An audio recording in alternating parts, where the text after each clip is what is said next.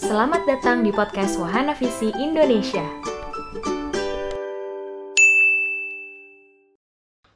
Halo Mas Erwin. Ah, I found you. Apa kabar? Very good, very good. You look good. Ah, Mas, thank you banget ya. Thank you banget udah bisa kasih waktu satu jam sama kita teman-teman di Warna Visi. Asik. Tadi udah sedikit intro sebenarnya. Jadi kita ini sebenarnya ngobrol-ngobrol santai banget because you are the expert in communication dan bagaimana membangun komunikasi ini sama anak-anak di rumah gitu ya. Eh, mungkin untuk teman-teman sekalian yang belum mengenal Mas Erwin, saya sedikit kasih intro Mas Erwin. Soalnya CV-nya panjang banget, Bo. Nggak akan habis, ya. Mas Erwin ini mulai dengan, eh, kalau saya nggak salah, dari broadcasting ya, Mas ya. Broadcasting. Lalu sekarang beliau eh, lebih expand lagi. Yang saya bisa kasih tahu adalah sebetulnya Mas Erwin ini sekarang ini adalah eh, personal branding specialist. Dan beliau juga sebetulnya speaking coach yang very handal dan ternyata dia itu pengarang buku. Bukunya itu bestseller loh, bestseller. So people just go out there and get this book, get his books. Uh, teman-teman yang mau cerita, yang mau dengar mengenai dunia komunikasi, who is he's the right guy.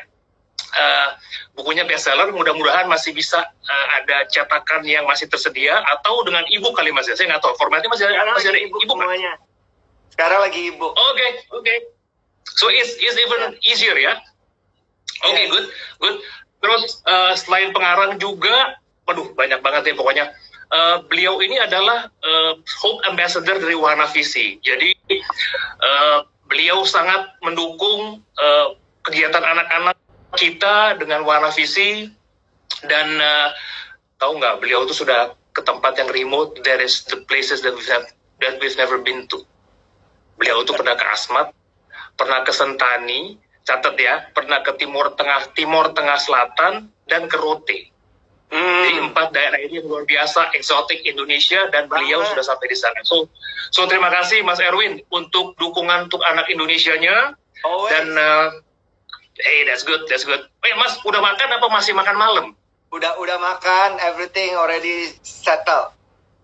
Oke, soalnya ingat terakhir, saya, saya, saya ingat terakhir ketemu sama Mas Erwin bawa kotak ajaib, isinya buah-buahan segar. Ya. Oke Mas, sip sip sip. Jadi tadi saya udah bilang sama teman-teman yang yang sudah berpartisipasi, eh, saya akan memandu acara satu jam ke depan. Mudah-mudahan kita bisa menjawab pertanyaan mereka. Tapi kalau sampai nggak bisa menjawab, I'm sorry, kita bisa mungkin mereka juga bisa personal messaging ke Mas Erwin ya. Is that okay? Oke. Ya ya anytime. Mas Erwin ini Oke, Mas Erwin ini adalah eh, suami dari Mbak Jana Paringkuan dan beliau juga ayah dari empat orang anak luar biasa. And eh, saya percaya bahwa kita malam ini bisa belajar dengan orang yang tepat, gitu Mas ya. Eh, mungkin saya udah udah banyak banget pertanyaan. Hopefully that you can answer apa, eh, you can answer all this ya, Sure sure. Mas. eh, sudah berapa lama work from home? Kalau Uh, gue lihat di postingan IG sih kayaknya udah hampir dua bulan ya. dua bulan. Tapi eh, walaupun saya work from home, tapi juga masih melakukan aktivitas online learning di kantor.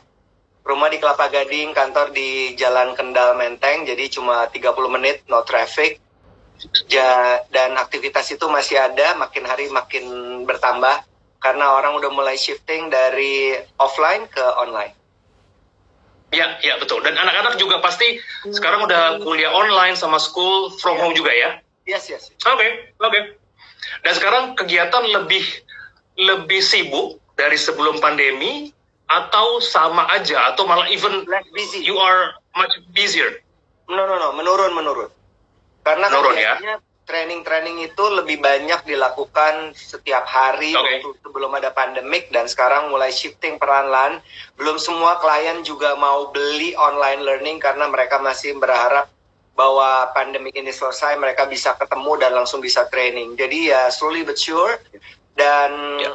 aktivitas yang lain ya seperti kebanyakan orang di rumah Hmm. beberes, bebenah, terus bonding sama anak-anak, berkebun, Ya, ya. ya. Ya, ya, ya. Jadi well understood banget, Mas ya. Nanti akan ada rencana online class untuk, let's say, untuk parenting nggak? Atau mungkin sudah ada? Saya nggak tahu info. Misalnya ibu-ibu ingin belajar mengenai komunikasi yang efektif dengan anak-anak yang sekarang kita lakukan gitu. Is it it going to be? Um, actually, we don't go to that kind of specific programs because communication okay. is mean mainly is just how we communicate with others. Meaning others, yeah. anybody else, termasuk orang-orang yang ada dalam uh, lingkungan kita paling dekat, keluarga kita. Karena esensi komunikasi itu bisa digunakan uh, kepada siapa pun orang. Da, walaupun Betul. saya pernah bikin buku tentang communication for kids and parents long ago, tapi menurut saya saat ini demand yang paling terbesar adalah orang bisa belajar komunikasi agar mereka bisa menggunakan untuk kehidupan dan pekerjaan mereka. Oke, okay. paham mas, paham, paham. Oke, okay, kita mulai mas ya. Uh, ceritakan sedikit dong, udah berapa lama menikah, anaknya umur berapa aja, happy moments that you have with your family, ceritakan aja. Uh, Oke. Okay. Something that to be proud of as, as a dad gitu, as a parents ya. Yeah. Ya, yeah, I'm a very proud parents, proud dad karena anak-anak sehat-sehat, anak-anak kelihatan yeah. sudah tahu bakatnya mau ke mana. Yang paling besar menikah sudah 22 tahun, anak saya paling wow. anak kami paling besar 21 tahun, laki-laki bernama Julio Parengkuan. Kebetulan Julio juga adalah seorang the new rising star di dunia perfilman. Anak nomor dua Marcio, 18 tahun, uh, jalan kuliah bisnis terus uh, sekarang baru uh, masuk baru masuk ya semester 2 kemudian anak ketiga Abielo 14 tahun uh, homeschool laki-laki dan anak paling kecil perempuan Matacha sekarang 11 tahun juga uh, sekolah umum bukan homeschool dan ya itu dan saat yang paling menyenangkan yang the the greatest moment of my life tentu adalah menjadi ayah dari keempat putra dan putri. Oke, okay. wow, amazing ya. Saya nggak kebayang punya anak empat dan sudah menikah selama 20 tahun. Kalau saya lihatnya rentang rentang umur antara si kakak sama si adik paling kecil itu berarti kan 10 tahun ya? Iya. 21 sama 11 ya, 10 ya. tahun. Oke, okay. pertanyaannya pasti setiap anak punya karakter yang berbeda, Mas. Udah Betul. pasti.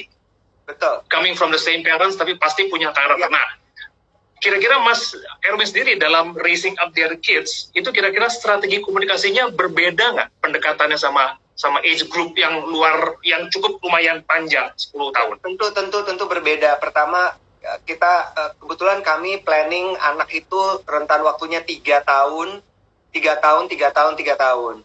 Teman-teman banyak yang bilang, kalau uh, apa namanya planning umur anak tiga tahun tiga nanti SMA, kuliah SM, SMP, SMA gitu kan double double saya bilang ya tetap aja mesti bayar. ya benar benar benar benar. Sama aja itu matter time time management aja gitu. Uh, anak jadi karena kami tahu kami mau anak-anak itu punya waktu bersama kami dari mereka kecil. Pada saat mereka kecil kami mau mereka kita tidak terpecah karena uh, terpecah dengan handle ada satu anak lagi. Jadi tiga tahun, tiga tahun, empat tahun dan tiga tahun itu waktu yang sangat cukup menurut kami untuk bisa membantu mereka tumbuh dengan kasih sayang yang tepat dari kedua orang tua. Dan tentu memang Mas Dino anak-anak itu setiap anak itu punya karakter yang berbeda-beda.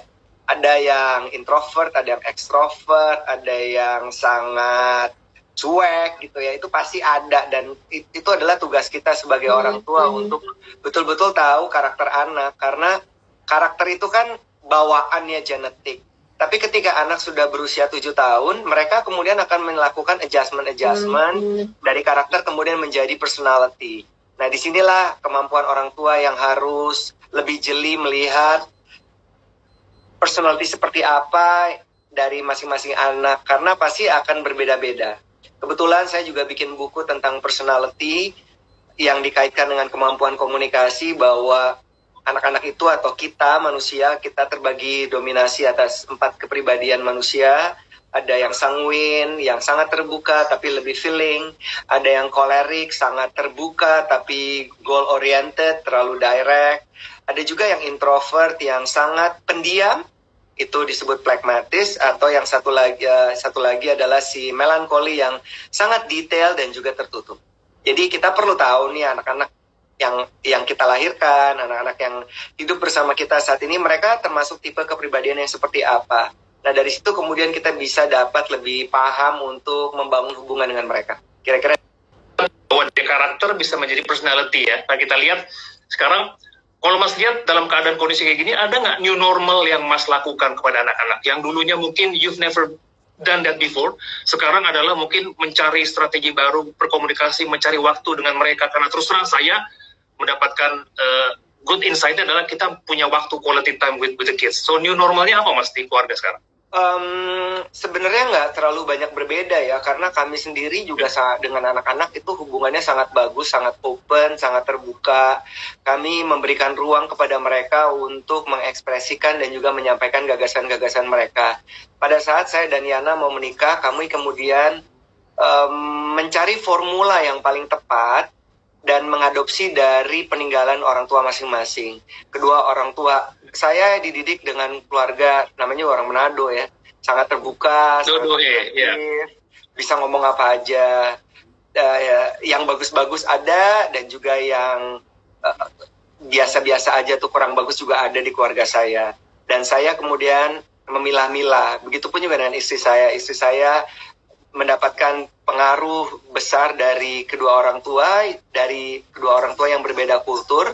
Ayahnya adalah orang Solo, sangat tertutup, dan juga ibunya adalah orang Praha atau Czech Republic yang sangat terbuka. Jadi East meet West. Jadi ada gaya-gaya yang bagus dan yang tidak bagus itu yang kemudian kami formulasikan, kami sepakat, oke okay, kalau kita punya anak, Tuhan kasih kita punya anak, kita mau diri dengan gaya seperti ini. Nah itu hmm itu ada tuh aturan-aturan yang udah kami buat sampai sekarang. Wow. Oke, okay. dan dan saya juga membaca sebuah referensi, Mas. Jadi ternyata uh, dengan kita membangun komunikasi yang baik, kita juga akhirnya membangun karakter yang baik sama anak. Tentu. Dan ternyata anak itu bisa jauh lebih confident, dia percaya diri itu nomor satu. Nomor dua ya. adalah anak itu memiliki harga diri yang lebih besar karena dia merasa dihormati, di, dihargai sama orang tuanya. Terus yang ya. ketiga, ternyata anak itu bisa membangun karakter yang positif dan kreatif. Yes. Karena mempunyai hubungan yang baik dengan keluarga. Dan yang keempat yang tidak yang kalah penting ya, anak ini punya wawasan di luar outside of their world. Seperti Mas yang saya pernah baca referensi dari Mas uh, Erwin adalah anak itu diberikan kepekaan sama kepedulian sosial. Jadi Mas Erwin mengencourage anak-anak itu untuk mengerti the misery, mungkin kemiskinan atau apa pun yang terjadi di luar sana. Itu itu membangun mental karakter mereka untuk menjadi social atau helping hands ke, ke keluar, betul. Betul, ya, Mas? Artinya kita me mengajak anak-anak untuk melihat lingkungan-lingkungan yang kita punya dari lingkungan terdekat sampai juga mengajak mereka untuk punya empati ya, empathetic communication secara empati ini akan sangat membantu kalau anak-anak itu diberikan perhatian dan kasih sayang yang sangat cukup dari orang tua. Karena kita tahu juga Mas Dino kalau di rumah orang anak-anak nggak dapat apa yang mereka inginkan mereka akan cari di luar. Dan ada ya, gaya betul. ada ada gaya ada parenting yang berbeda ya. Gaya parenting orang tua saya yang tradisionalis dengan gaya hmm, parenting hmm yang sekarang saya lakukan adalah X, saya adalah X generation, anak-anak saya adalah Z, Z dan juga Alpha. A ada yang berbeda, pola-pola yang berbeda. Kalau dulu saya dengan orang tua saya, orang tua saya tidak pernah terbuka bicara apa pun karena kedua orang tua didikan Belanda, mereka sangat kolot. Tapi ketika sekarang ini saya menjadi orang tua, saya nggak mau pakai gaya adopsi yang kayak gitu gitu. Saya nggak mau yang kolot. Walaupun kami juga at some point kami juga konservatif, ada nilai-nilai yang kami jaga gitu. Tapi di luar itu keterbukaan itu memang harus ada sih. Anak-anak tidak boleh merasa ter terkekang karena orang tua. Anak-anak harus punya hmm. suara yang dapat didengar. Anak-anak juga perlu diapresiasi. Apresiasi. Anak-anak perlu di dimonitor. Jadi hal-hal ini yang menurut saya harus dilakukan oleh setiap orang tua siap da, yang datang dari berbagai apa pun generasinya. Karena mm-hmm. kita tahu bahwa pengaruh uh, digital itu sangat besar. Tidak ada satupun orang di dunia ini yang punya akses internet yang tidak bermain handphone dengan gadgetnya. Rata-rata orang Indonesia 4 jam sampai 7 jam. Millennials kemudian generasi Z dan juga Alpha itu juga mereka eh, tujuh jam ya dalam satu hari. Nah ini yang terjadi dengan anak saya yang nomor tiga Abielo.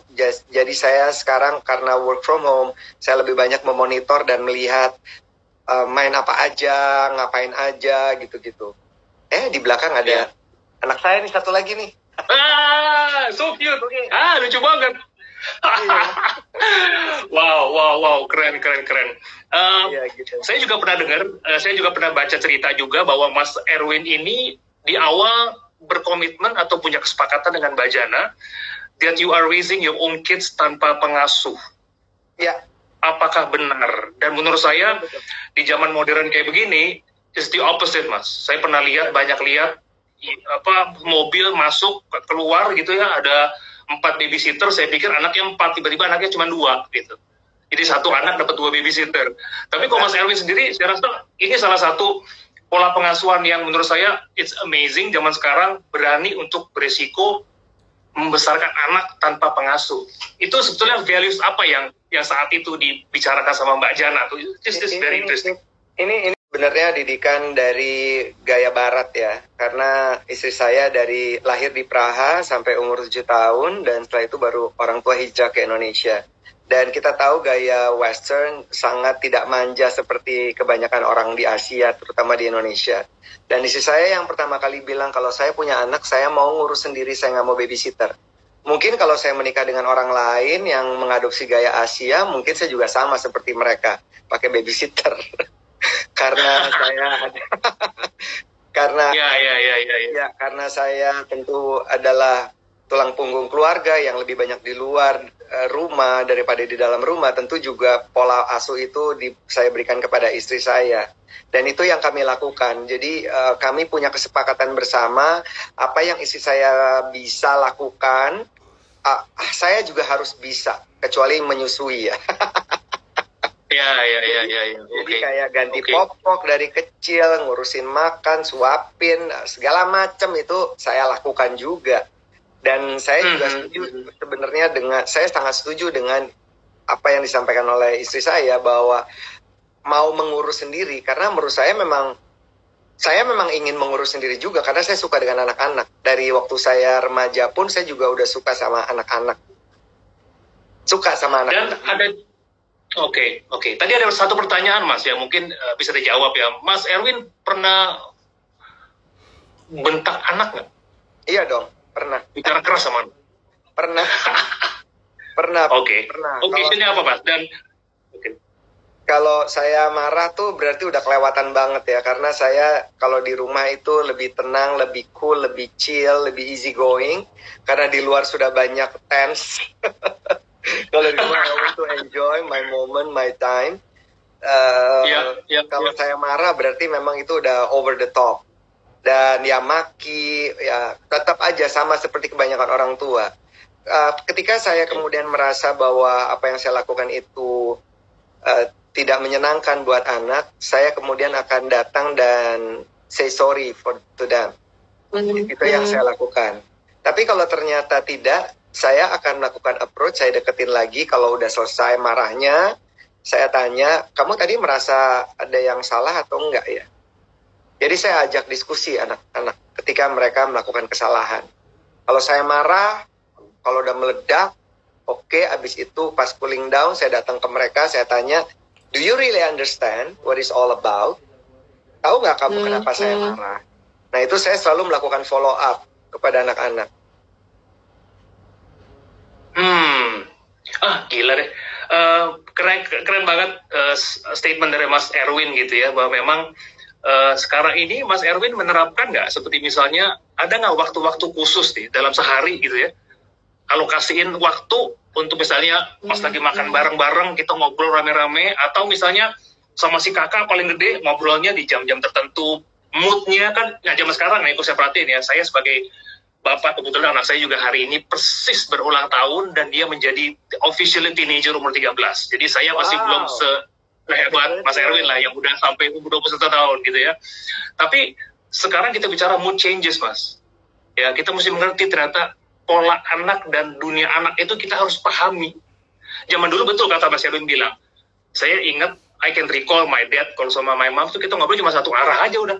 Iya memang. ke bawah aja top Ya. down kan kita nggak bisa Ya. kita nggak di challenge untuk diskusi Ya. tapi sekarang justru malah terbalik Ya. kita justru malah harus masuk dalam dunia anak dan kita harus mengerti Ya. dia punya eh, apa segala macam kehebohan keriuhan dalam diri dia tuh kita harus mengerti gitu mas ya nah, ada nggak jam-jam tertentu di mana mas ya kesepakatan dengan, dengan Mbak Jana misalnya tidak ada kata-kata tidak ada waktu yang spesifik kami kami atur eh, karena semuanya di rumah ketika saat ini ya semuanya libur kan. Paling mereka ada engagement online online itu pun juga tidak lama kecuali yang kelas 2 ma- eh, yang yang kuliah marco karena lebih banyak sangat intensif kuliahnya di luar itu kami sangat bebas. Ada waktu-waktu ya makan siang bareng-bareng makan malam walaupun kadang-kadang saya aku udah makan duluan ya udah nggak apa-apa nggak nggak harus mutlak. Jadi tidak ada harga mati.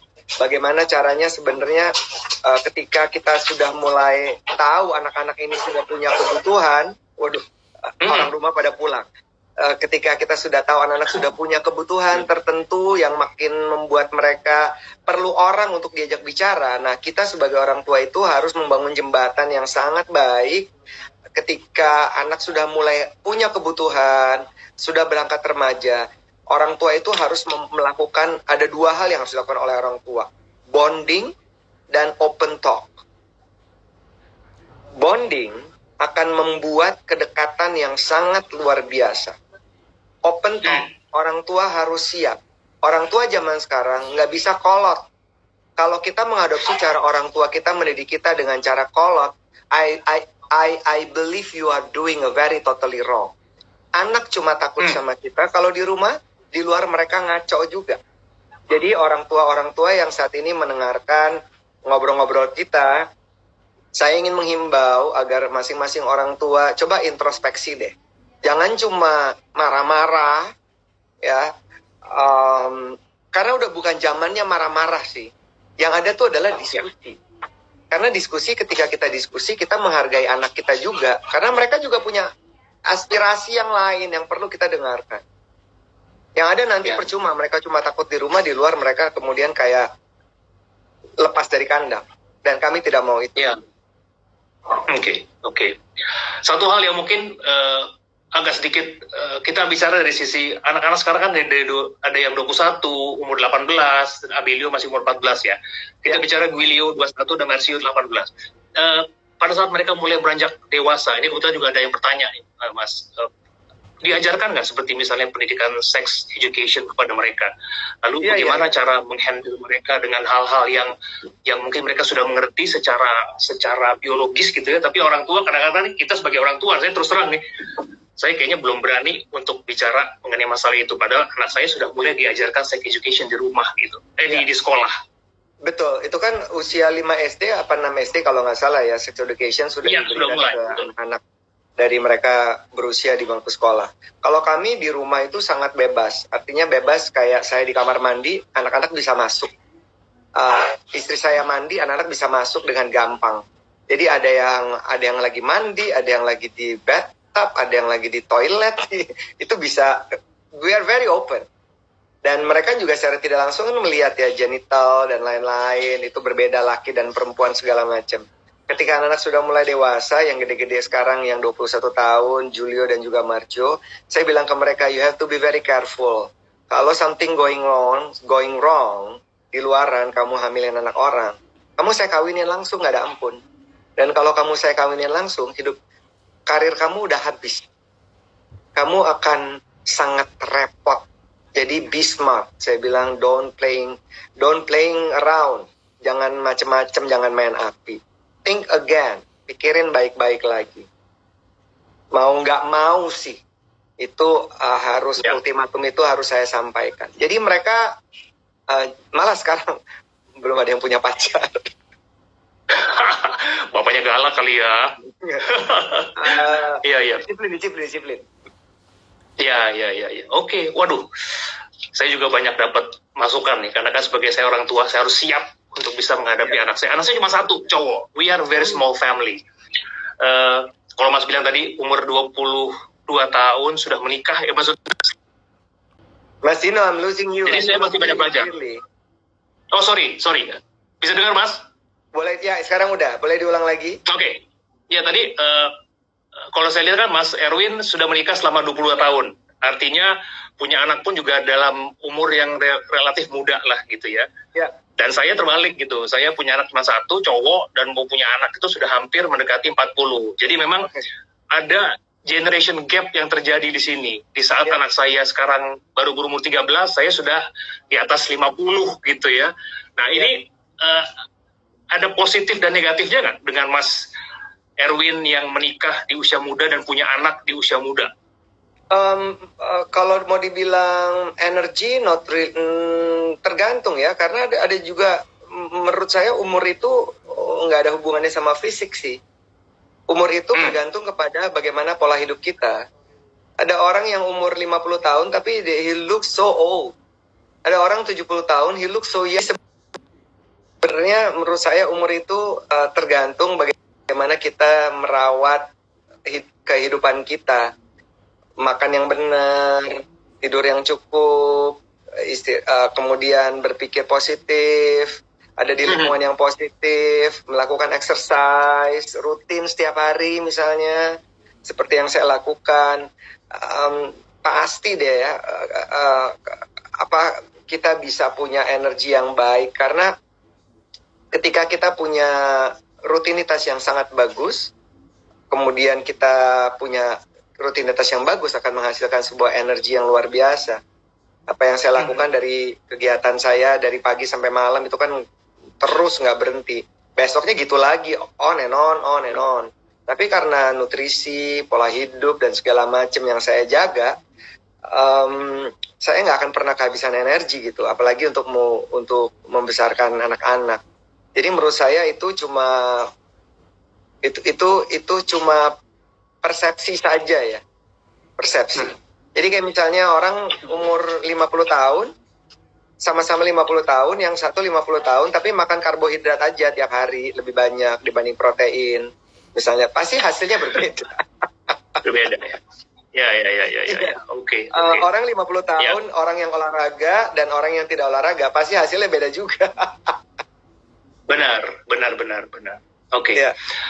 Mas, ada tanggung jawab nggak, berbagi peran nggak dengan Mbak Jana dalam komunikasi? Yeah. Misalnya, Mas yeah. Erwin expert di dalam satu isu, Mbak Jana expert di tempat yang lain. Nah, itu gimana cara baginya dan apa saja yang udah dilakukan, Mas, di dalam keluarga?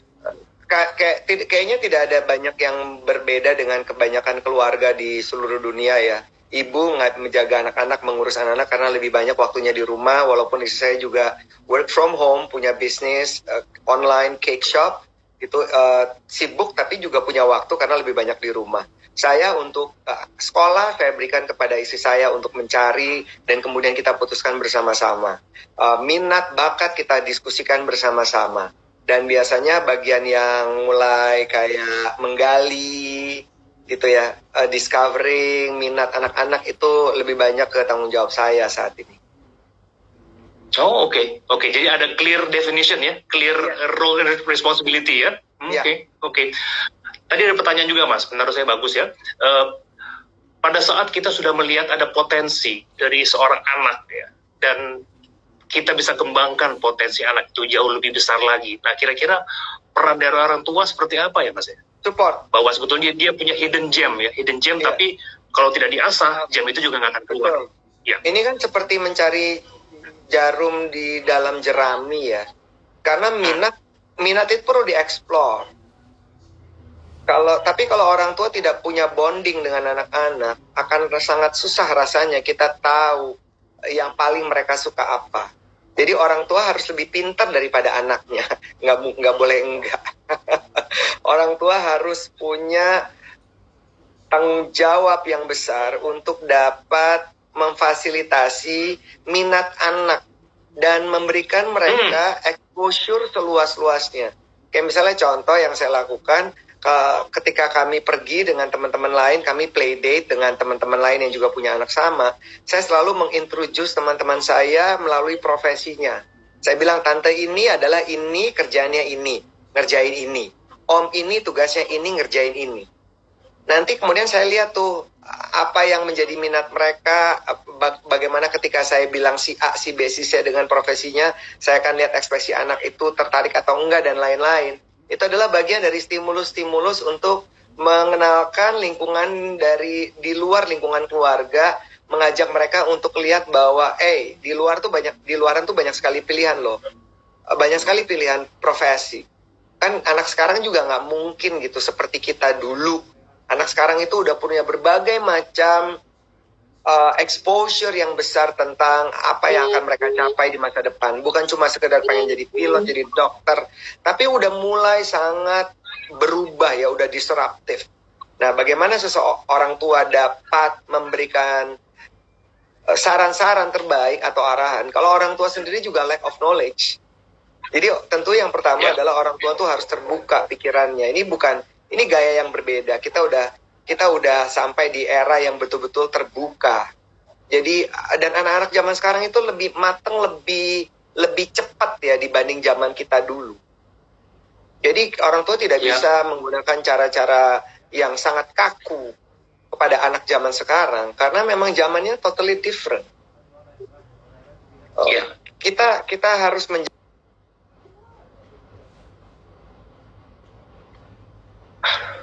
menjadi strong value yang ada di rumah itu yang harus dijaga.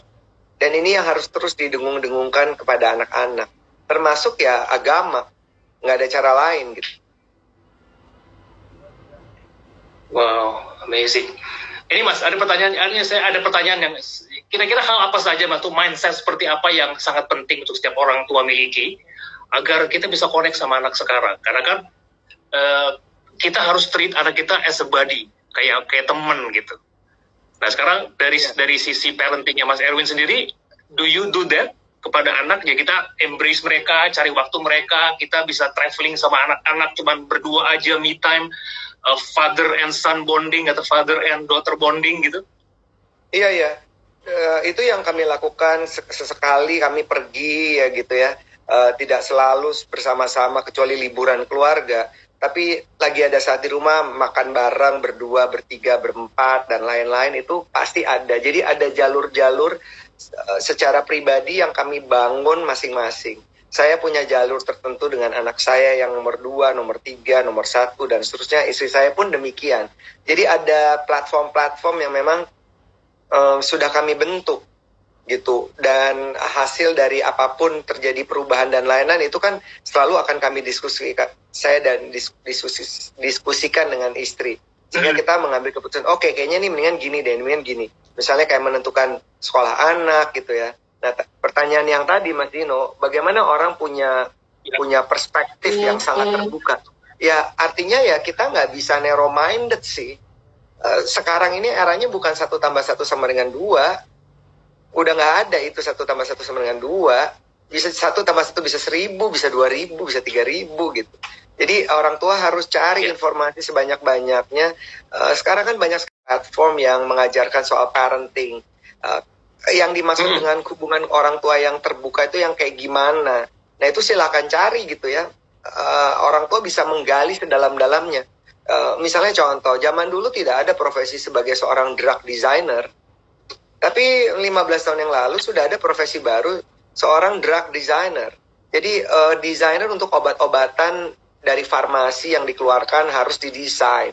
Dulu nggak ada profesi-profesi kayak gitu gitu. Jadi kayak misalnya saya nggak ngelihat juga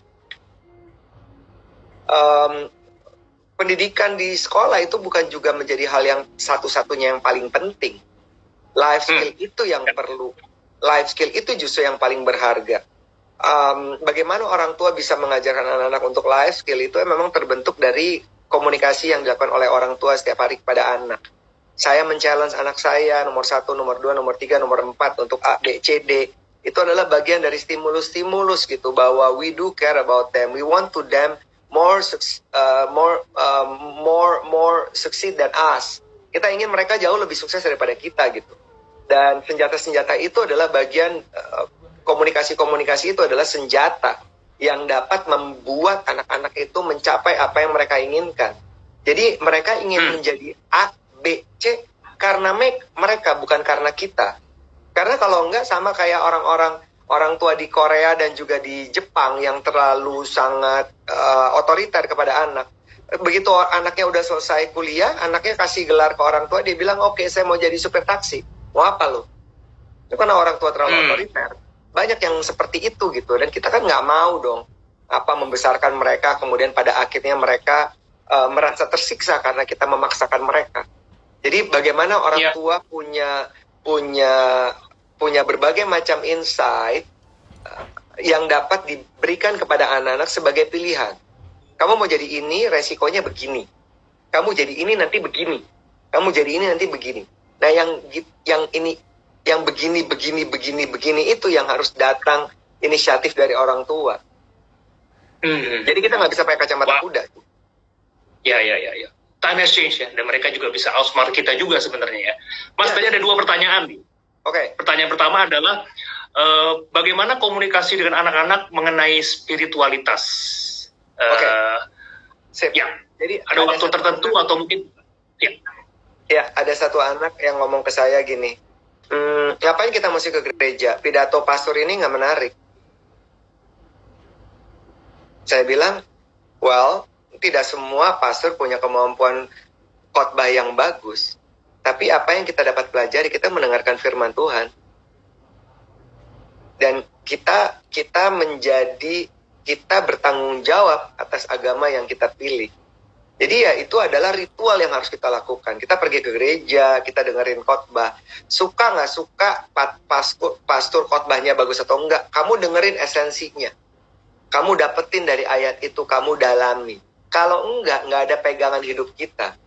Jadi ya saya mempertahankan itu di rumah. Walaupun kadang-kadang nanti ada yang oh, oh aku mau sore aja gitu. Masih ada ruang-ruang buat negosiasi. Saya selalu mau bareng-bareng tiap ke gereja. Jadi itu hmm. adalah salah satu gitu ya mengajarkan mereka untuk berdoa dan segala macam. Walaupun kami uh, bukan termasuk pemeluk agama yang sangat taat, tapi kami menjalankan agama sebagaimana dianjurkan. Kami juga tidak hmm tidak menjadi sangat uh, religius. Ya, karena buat buat saya pribadi agama itu adalah very personal. Oke. Okay. Wow, very nice. Uh, ada pertanyaan juga dari Mas. Uh, pertanyaannya adalah Mas Erwin ini pernah marah depan istri, bentak-bentak uh, di depan anak-anak misalnya ya. Uh, how do you deal with that? Iya. Debate iya, tapi kalau sampai uh, kapal pecah nggak pernah Iya. Dan buat saya itu sih wajar ya sebenarnya. Maksudnya um, sangat sangat manusiawi kalau ada perbedaan pendapat antara suami istri.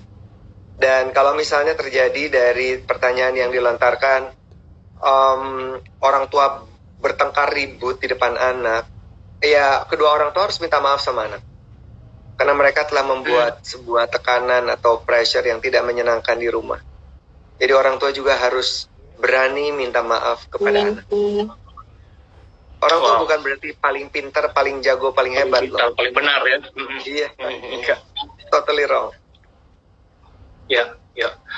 Uh, saya ada satu pertanyaan. Let's say misalnya seperti begini. Uh, kita melihat bahwa sebetulnya zaman sekarang eh, anak-anak uh, itu banyak sekali dia harus mengencourage diri dia untuk let's say ada school project dia mesti harus engage with with website dengan semuanya gitu ya tapi sering kali sebagai orang tua kita juga nggak bisa kontrol mereka 24 jam mas to be honest with you saya pun juga sekarang punya masalah dengan anak saya umur 13 and he is so gadgety gitu ya semuanya gadget dan dia memang harus mengharuskan untuk untuk untuk school project tapi kita juga nggak bisa kontrol mereka because the world is in their hands. Mereka bisa punya akses yeah, ke mana pun yang kita nggak pernah tahu.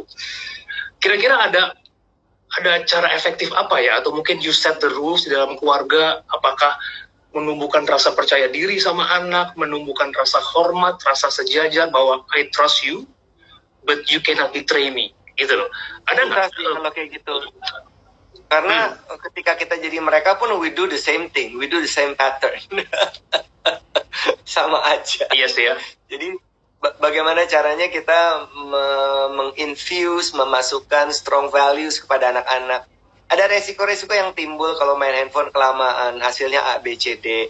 Ada data yang kita dapetin melalui internet dari link yang kita terima itu yang kita share kepada mereka. Do you know if you more than four hours seven hours a day you become like this you will have a brain damage.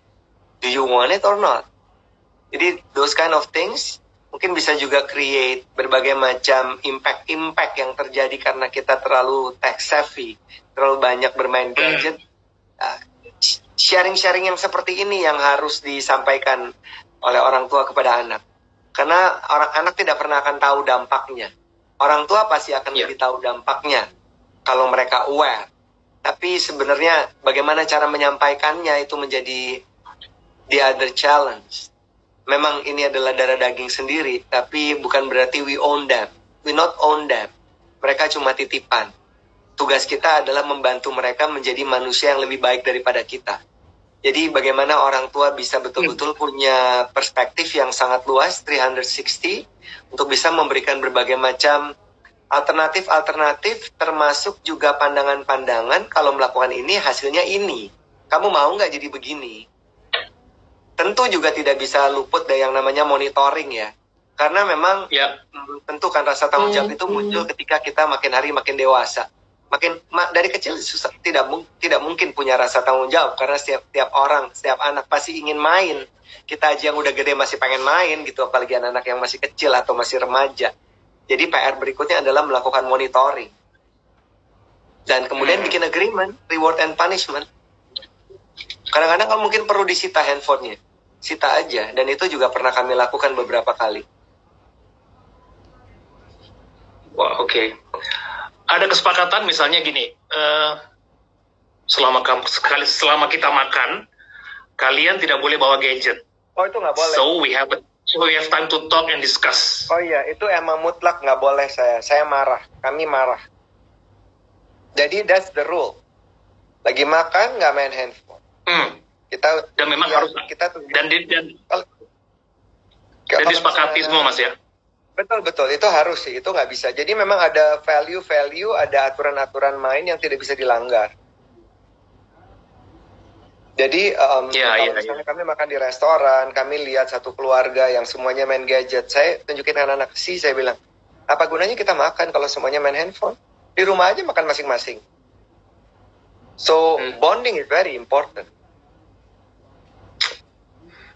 Saya belajar satu hal dari mas, eh, your persistence ya. Kalau saya rasa mungkin lebih kepada values yang Ah, ya. dijadikan sama anak itu is very Ya. important. Karena sekali lagi banyak banget orang tua yang menganggap komunikasi itu sederhana dan mudah dilakukan. Tapi sebenarnya mereka tidak bisa melakukan komunikasi yang baik untuk membuat hubungan dengan anak lebih baik. Yang saya bilang tadi, sebetulnya outputnya itu banyak banget yang positif kalau kita bicara dari sisi eh, komunikasi yang efektif gitu ya. Nah sekarang tugas kita adalah sebetulnya ya sekali lagi nih eh, sebagai orang tua nggak gampang loh. Zaman sekarang mereka sudah eh, they are much smarter than our generation lah lebih tepatnya gitu ya. Nah dari Mas eh, Mas Erwin sama Mbak Jana kira-kira nih sekarang anak-anak semakin lama semakin makin besar yang kecil sebentar lagi akan masuk ke ke teenagers gitu ya yang memper- Oke, ya. Gimana caranya kita tetap bisa mempertahankan itu, Mas? Nilai-nilai supaya kita juga punya punya nilai harmonis sama anak-anak dan kita memastikan bahwa values itu ditransfer ke dalam uh, sikap dan perbuatan. Gitu.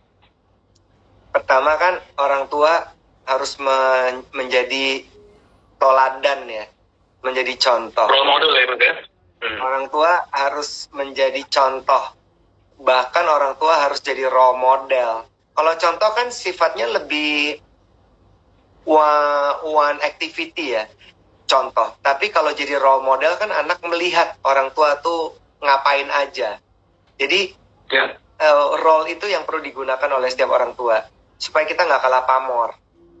Jadi kita harus jadi kita harus menjadi contoh yang baik. Kalau kita nggak bisa menjadi contoh yang baik untuk semua hal, tentu tidak bisa karena tidak ada satupun manusia yang sempurna. Ada di beberapa hal kita menjadi contoh yang baik buat anak-anak. Misalnya kayak kedisiplinan, kemudian tepat waktu, apresiasi dan lain-lain. Itu adalah nilai-nilai utama, basic rules atau strong values yang harus kita tanamkan kepada anak-anak.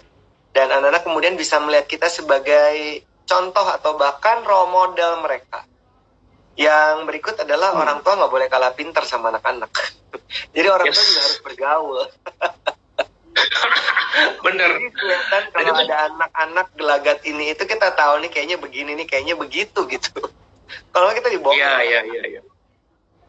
Jadi orang tua mesti bergaul. Ya, itu itu banget itu banget dan kita juga harus masuk ke dalam dunianya dia ya dan kita tahu interestnya dia apa ya. uh, teman-temannya siapa? Lu ngapain aja sama teman-teman lu? Anggap mereka sebagai teman gitu ya. That's that's the good thing yang berbeda sama generasi kita tuh Win.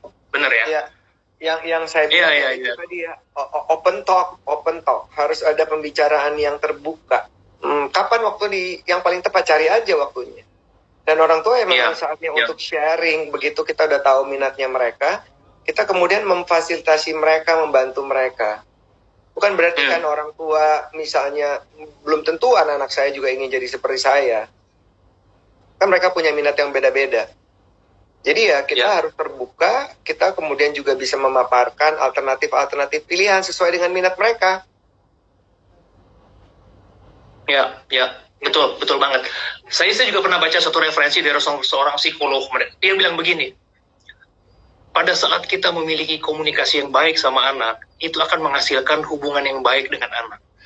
Dan ternyata korelasinya luar biasa, di mana eh, anak-anak itu ternyata karena dia dipercaya, dia dihormati, dan dia dihargai oleh orang tuanya, sehingga kasus-kasus seperti narkoba, kasus-kasus seperti seksualitas, kasus-kasus seperti apalah pelecehan itu sangat jarang dilakukan karena anak itu memiliki memiliki harga diri, dia memiliki kepercayaan diri karena dia merasa dihormati dan dihargai sama orang tuanya. Itu menurut saya korelasi yang sangat sangat benar banget, Mas. What do you think? Ya, yeah. ya yeah, agree ya, totally agree. I couldn't agree more. Bagaimana orang tua bisa menjadi temennya anak-anak ya.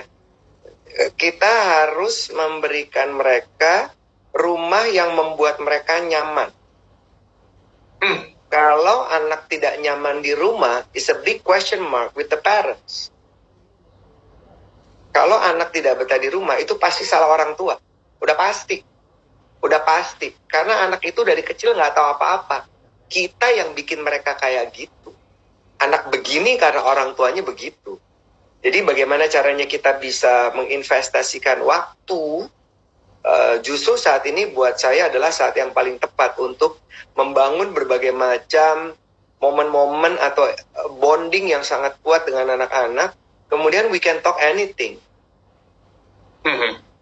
Yang mungkin selama ini kita nggak pernah lakukan gitu ya. Kita nggak bisa beraktivitas bersama-sama kecuali liburan keluarga karena kalau tidak semuanya sibuk dengan berbagai macam jadwal saat yang paling tepat sekarang ya kita bisa membangun bonding yang kuat dengan anak dan kemudian menjadi sahabat mereka. Mm-hmm. Ini kan berarti kita ngomong remaja ya anak-anak remaja. Karena anak-anak remaja itu paling krusial sebenarnya. Umur-umur yang mas, paling betul, krusial. Dan saya juga melihat satu hal yang positif ya dari kondisi yang sekarang ini bahwa sebetulnya ternyata mereka sebetulnya punya punya anxiety, punya kekhawatiran, ketakutan, bete, depresi karena semuanya dikerjakan dari rumah gitu ya. Dan terutama mereka yang uh, saya beberapa baca dari referensi uh, bahwa ternyata untuk menjaga mental anak-anak remaja yang dalam kondisi seperti sekarang ini sangat diperlukan, Mas. Artinya banyak momen-momen spesial yang mereka hilang.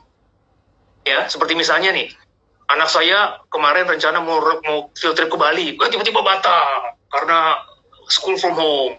Lalu misalnya ada lomba apa, segala macam dia akhirnya harus batal. Even sampai kelulusan misalnya, graduation. Sekarang kan kita lihat nih, graduation semuanya virtual. Yang naik SMA virtual, yang yang universitas juga virtual. Jadi ini menimbulkan apa ya, luka, menimbulkan kekhawatiran, kebetean si anak itu. Dan ternyata kita sebagai orang tua juga harus mengerti menjaga supaya the mental health of the kids juga baik pada saat kondisi seperti sekarang ini gitu mas. That's very interesting gitu bahwa memang sering kali kita sebagai orang tua kita juga nggak tahu gitu ke ketakutan anak-anak, kegelisahannya mereka gitu. Itu sih menurut saya menarik banget itu kalau saya baca uh, referensi itu ya gitu. Kalau kalau kami di rumah ya walaupun semuanya di rumah tapi masih ada beberapa yang mereka uh, grocery shopping jadi masih ada waktu-waktu untuk keluar rumah dan tidak merasa tertekan sebenarnya dengan kondisi ini karena semua masih bisa dilakukan beraktivitas cuma memang ada di rumah. Jadi kami menciptakan ya. suasana yang membuat anak-anak nyaman sebenarnya. Tadi ada Mas Reza Puspo nih nanya, Mas Erwin anak-anaknya ada yang suka merangkai bunga nggak? oh nggak ada tuh beberapanya doang bro ya.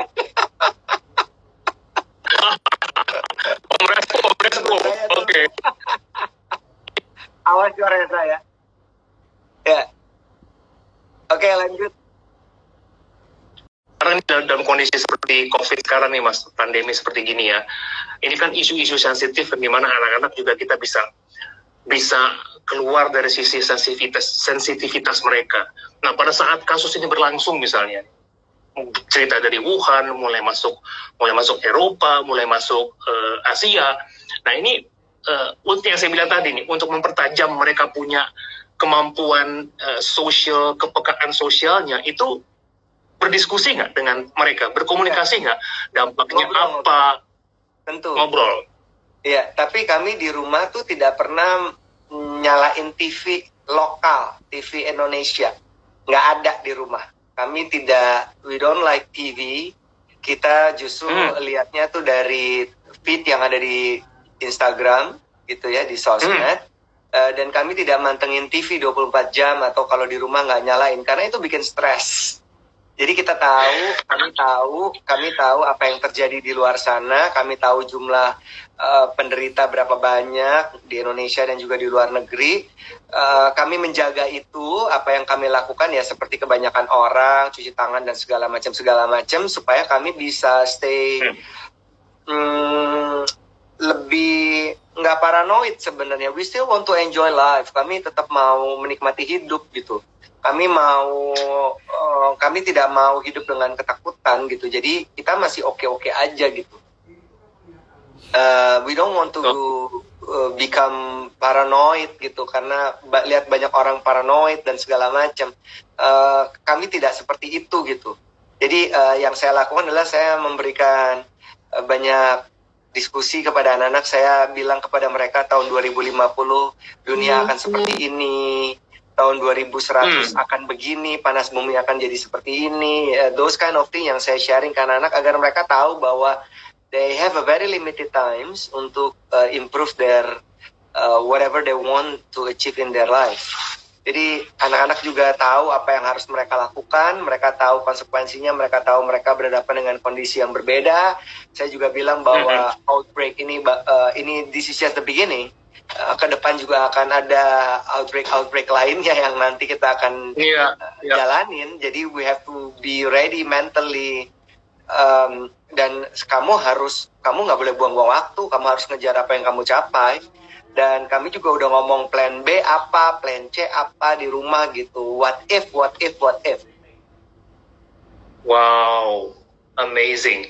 Mas, kasih tips dong nih pasti dari teman-teman kita yang lagi bergabung sekarang nih pasti ada yang akan menjadi calon bapak, akan yang mungkin anaknya sebentar lagi sudah akan masuk usia SD, SMP, SMA gitu ya.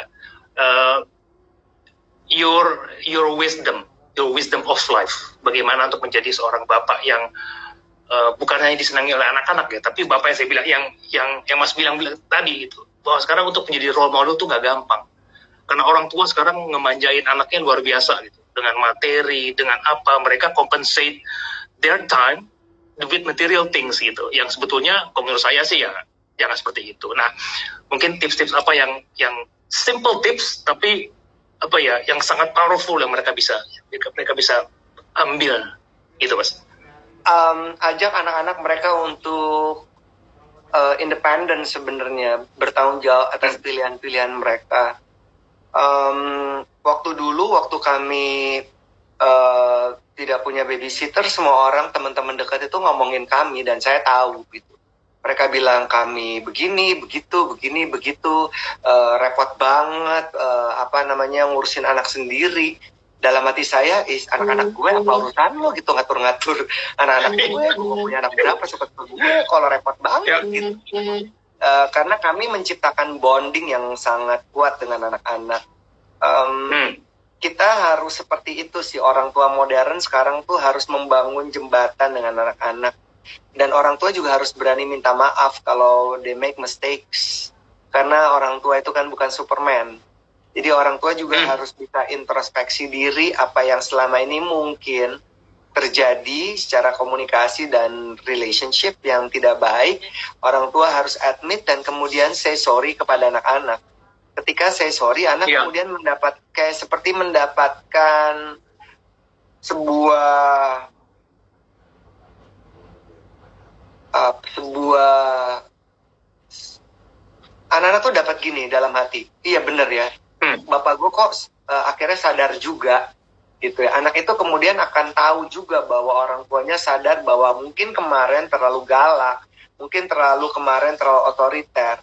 Dan ketika hmm. anak tahu bahwa orang tua kemudian saying so uh, kemudian akan terjadi berbagai macam perubahan. Artinya akan ada pintu yang lebih besar untuk dibuka. Ketika bond, hmm. pintu terbuka, kita bisa membangun bonding yang sangat kuat kepada anak-anak. Nah, bonding itu sebenarnya yeah. yang harus dilakukan oleh orang tua modern zaman sekarang. Pesan ini disampaikan oleh Wahana Visi Indonesia.